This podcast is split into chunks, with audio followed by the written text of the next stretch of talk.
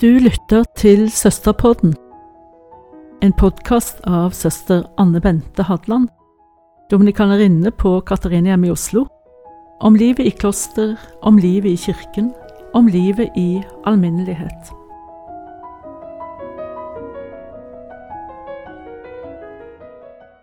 I opphavet var Ordet. Ordet var hos Gud, og Ordet var Gud. I opphavet var Han hos Gud. Alt ble skapt ved ham. Uten ham er intet skapt. Alt som er skapt, har sitt liv i ham, og livet er menneskenes lys. Lyset skinner i mørket, og mørket har ikke kunnet gripe det. Disse ordene fra prologen i Johannesevangeliet dveles det ved i juletiden i katolske kirker. Vi hørte dem første juledag. De blir også lest i katolske kirker på årets siste dag, og vi hørte dem i dag, annen søndag i juletiden. Første nyttårsdag feires dessuten Maria som gudføderske, Guds mor nettopp for å understreke at Gud ble menneske da han ble født av Maria.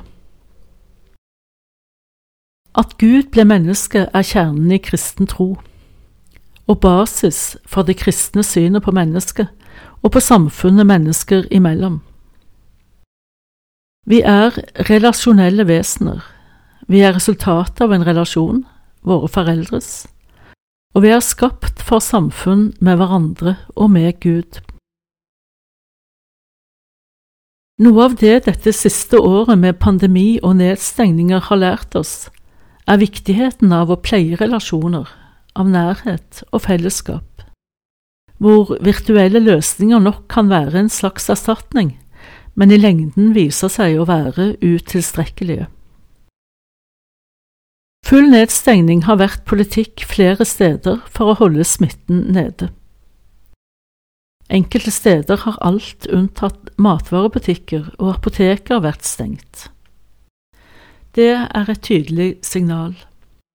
Det sier noe om kroppens betydning, at den fysiske helsen er primær, at alt annet må ofres for helsens skyld. Samtidig som livet dermed reduseres til ren overlevelse. Men livet er mer, mye mer enn kun å overleve.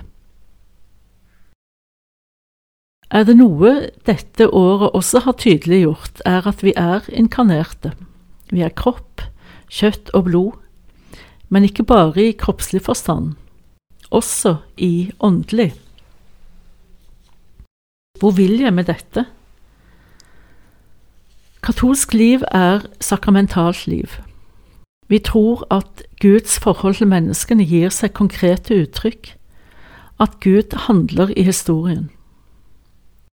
Ved inkarnasjonen, da Gud ble menneske i Jesus, er han til og med blitt en del av historien.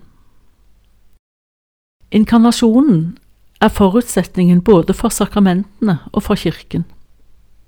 Ved inkarnasjonen blir den konkrete materien bærer av Guds nåde ifølge katolsk teologi av Gud selv i nattverden. Katolsk tro forstår også Kirken som kropp, som Kristi kropp, hvor det å delta i nattverden er med på å konstituere Kristi kropp, som er Kirken på jorden. Slik løper den mystiske og den institusjonelle siden av Kirken sammen. Kirken er både en guddommelig og en menneskelig realitet. Den er et redskap for Guds nåde, samtidig som den bygges av mennesker i all vår skrøpelighet. Sakramentene er synlige og virksomme tegn på en usynlig virkelighet, på Guds virke i verden. I sakramentene forenes det materielle med det åndelige. Sakramentene består av materielle elementer, brød, vin, vann, olje, som helliges og forvandles til redskaper for Guds frelse. Vi mottar dem gjennom munnen. Vi døpes med vann. Vi salves med velluktende oljer. Vi velsignes med håndspåleggelse. Vi tar imot dem, berører dem og berøres av dem. Hvor viktig denne konkrete siden av troen er, ble jeg for alvor, alvor oppmerksom på da bølgen av vietnamesiske båtflyktninger kom til våre små menigheter og umiddelbart satte sitt preg på dem. Det var omkring 1980. Til da hadde våre katolske menigheter vært overveiende europeiske i sin sammensetning. En håndfull nordmenn i en sentraleuropeisk blanding, sånn stort sett som jeg husker det fra min oppvekst i Sankt Svithun menighet i Stavanger på 60-tallet. Plutselig var vietnameserne i flertall. Om ikke totalt, så i hvert fall blant aktive kirkegjengere i mange av våre menigheter. De brakte med seg en fremmed kultur, fremmed mat og lukter, et totalt ubegripelig språk og stor fromhet. Og de kom til et land og en kultur som var like fremmed for dem som de var for oss. Men nettopp der var de katolske kirkene stedet de var hjemme. De gjenfant ting som de kjente fra før. Vivannskar, Maria og helgenstatuer, Korsveien, den røde lampen og tabernakelet med det innviede nattverdsbrødet. Og mennesker som, selv om de ikke snakket samme språk, allikevel hadde de samme gestene, som knelte ned, gjorde korsets tegn, ja, hadde et kroppsspråk som de kunne forstå og ta del i, og hvor messefeiringen ble stedet for gjenkjennelse og fellesskap over alt det som skilte. Slik ble kirken stedet hvor de vietnamesiske båtflyktningene følte seg hjemme, ja, hvor de var hjemme i en vanskelig overgang. Symbolene talte der ordene kom til kort og symbolene er her ikke overfladisk forstått, men uttrykk for realiteter som formidles gjennom det sanselige og det materielle. Vi er i juletiden. Ifølge Vårt Land, like oppunder jul, så er det lukten av jul og smaken av jul, det er der julestemningen ligger, ikke i juleevangeliet.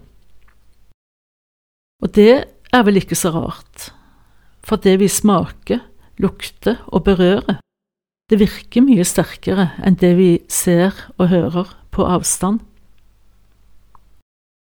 Julen er inkarnert i lukter og smaker, og det er julens og inkarnasjonens vesen. Det er derfor virtuelle møter og gudstjenester aldri kan erstatte de konkrete, fysiske. Hvis kristendommen lider under utbruddet av et fysisk virus, så er det fordi kristen tro har sin rot i materien. Det som var fra begynnelsen, det vi har, det vi har hørt, det vi har sett med egne øyne, det vi så og som hendene våre tok på, det forkynner vi, livets ord, leser vi i Johannes første brev. Og dette ordet leves ut i en konkret virkelighet. I og gjennom våre liv, i all deres sammensatthet. Så la oss be om at Han, Ordet som ble menneske, leder oss dit Han vil. Han som i går og i dag, ja, til evig tid, er den samme.